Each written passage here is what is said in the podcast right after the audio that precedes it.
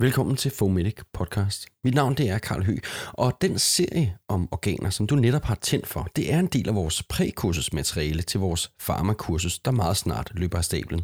Men du kan sagtens lytte med, selvom du måske ikke skal med på kurset. For hvem ved, måske vil du, når du har hørt alle fire episoder, tænke, det var lige godt sadens. Det kursus skal jeg da også med på. Det lyder til at blive virkelig sjovt og lærerigt, og det bliver det også.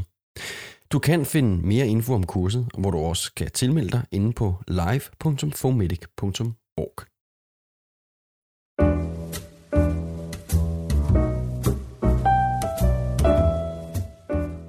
Nogle gange så kører man på ambulancen med en ny marker. En man måske ikke kender eller har kørt med før. En marker, hvor man til at starte med tænker, hey, det her det skal nok blive sjov 12 eller 24 timer. Men ret hurtigt så finder man ud af, at dad jokes og banke på vildigheder, det kun er sjovt i mindre doser. Sådan havde jeg det også efter min snak med lungerne. Du er nu kommet til kapitel 3 i serien om Karls organer. Denne gang er vi kommet til at give taletid til Karls lunger. Nærmere bestemt er det hans højre lunge, der har taget ordet. Så held og lykke. Banke, banke på. Hvad? Spørger du mig? Ja, ja, Karl, kom nu. Leg lidt med. Du skal ikke være så bleg og kedelig. Jamen, jeg troede, I skulle uh, fortælle om jer selv. Ja, ja, ja. Det kommer vi til. Kom nu. Banke, banke på. Øhm, okay så. Hvem der? Det er tarmen. Tarmen. Hvem? Tarmen i lunden og få nogen på munden. Jeg synes, I er lidt grove ved min tarm alle sammen. Det er hans egen skyld. Han er et lille, stinkende røvhul. Fik du den tarm? Du er et røvhul! Ja, det tror jeg, han gjorde, og nu synes jeg jo, at de skal se at komme i gang. Hold nu kæft for det kedelige, mand. Hej alle sammen, jeg er Karls højre lunge, og jeg har taget ordet, da jeg jo er den største og flotteste af Karls lunger. Jeg er inddelt i tre lungelapper, mens min marker i venstre side kun har to.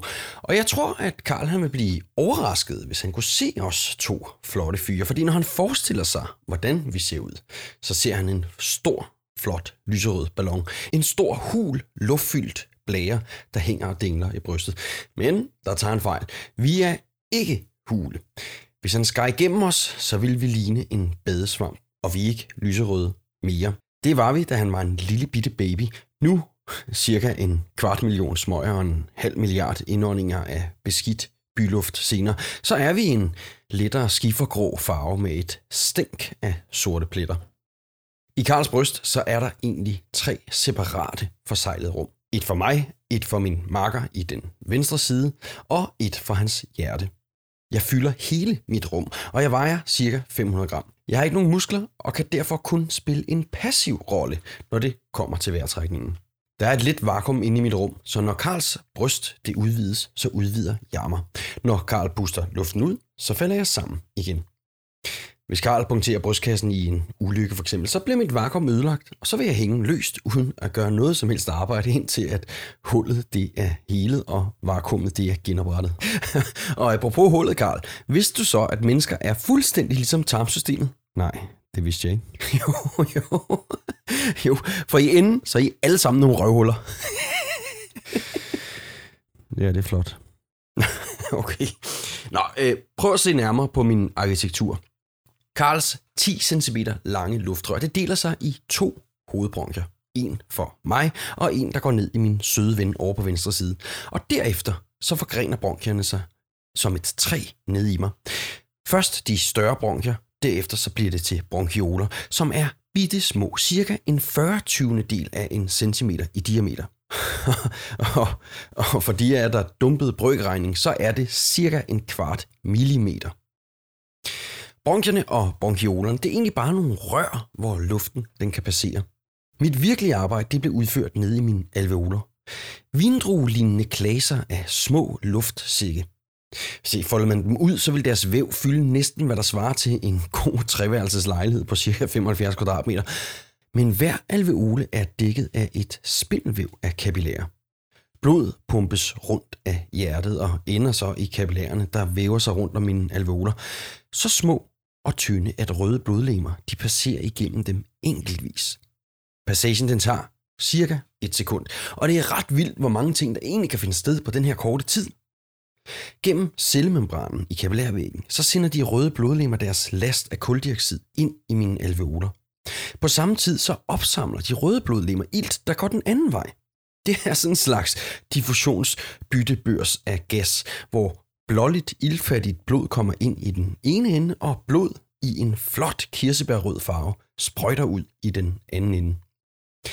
Men en anden ting, der også foregår i min kapillærer, det er produktionen af ACE. ACE står for Angiotensin Converting Enzyme.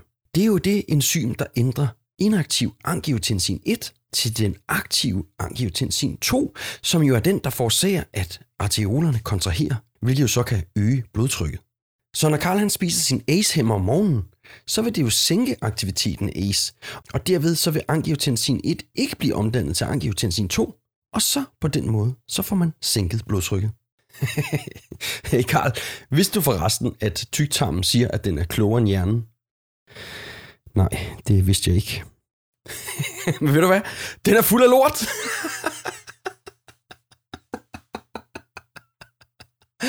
Hold kæft, hvor er du åndssvag. Ja. ja. Men modsat tarmen, så stinker mine jokes ikke.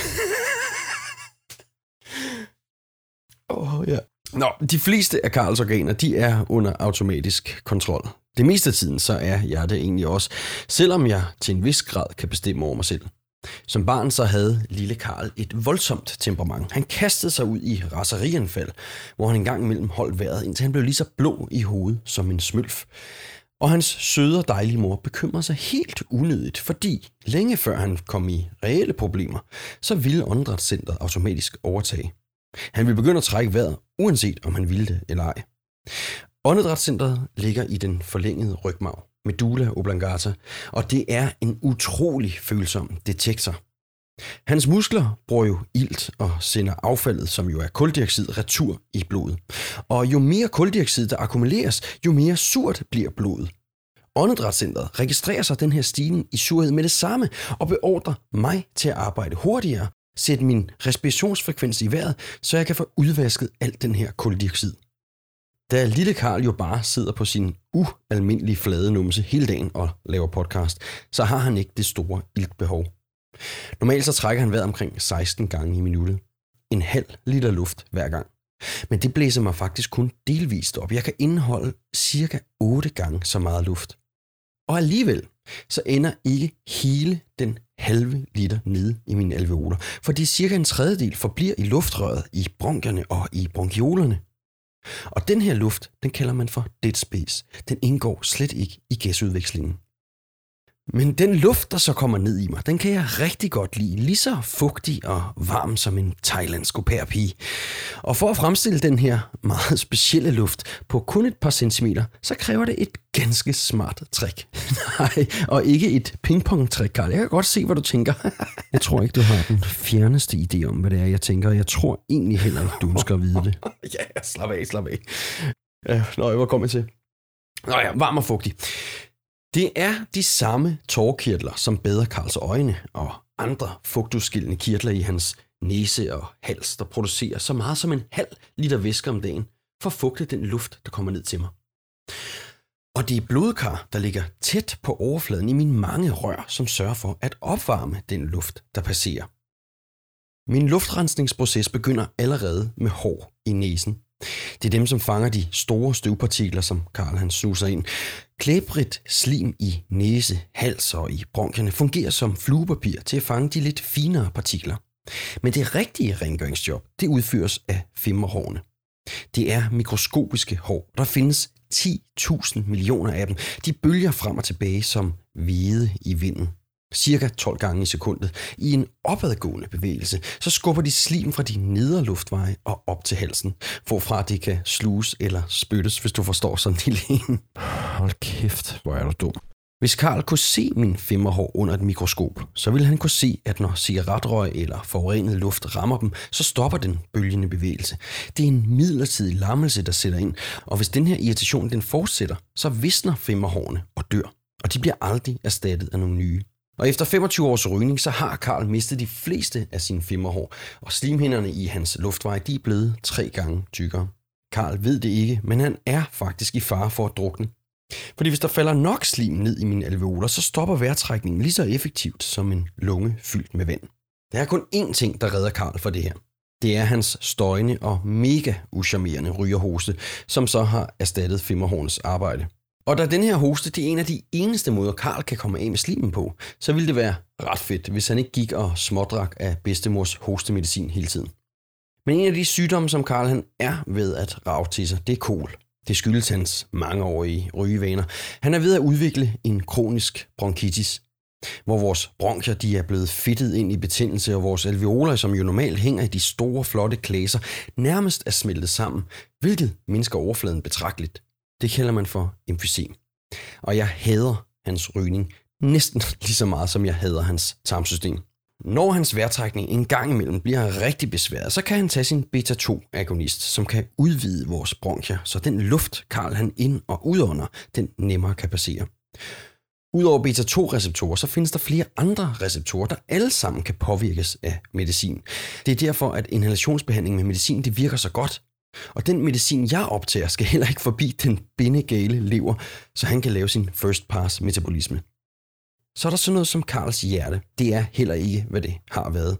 I gamle dage så pumpede det løs som en hormonfyldt teenage-dreng med en smartphone og en låst toiletdør. Det gør det ikke mere. En gang imellem, så kan den venstre side af hjertet ikke følge helt med. Og når hjertet ikke pumper blodet tilstrækkeligt ud, så stæser det op baglæns og ender hos os. Alt for meget væske i lungekredsløbet, det gør, at vi kan udveksle den gas, vi plejer, og Karl føler, at han er ved at drukne. Og det er han i og for sig også. Når det sker, så får han besøg af de søde ambulancefolk, som giver ham Fuex.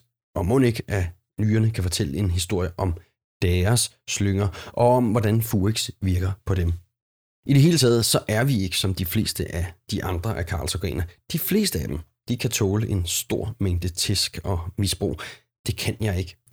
Jeg er sjov, men jeg er også den mest delikate og porøse størrelse i Karls krop. Naturen har ikke udstyret mig med de forsvarsmekanismer, jeg i virkeligheden har brug for i nutidens verden. Det er nok derfor, at forskellige lungesygdomme har nået noget, der ligner pandemiske forhold.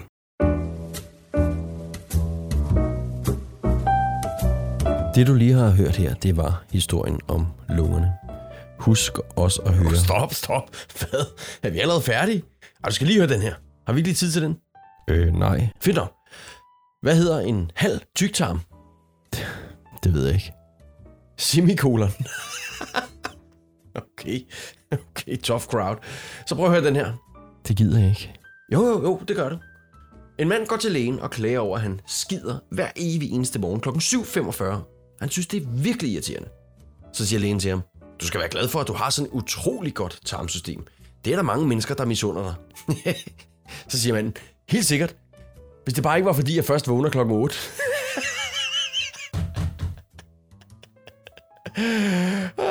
det er det, jeg siger. Det er en lortetarm. Du kan ikke stole på nogen, der er tyk i den ene ende og tynd i den anden. ah, vi kan også lige nå den her. Nej, det kan vi ikke. Hvorfor? Jeg skal ud og ryge.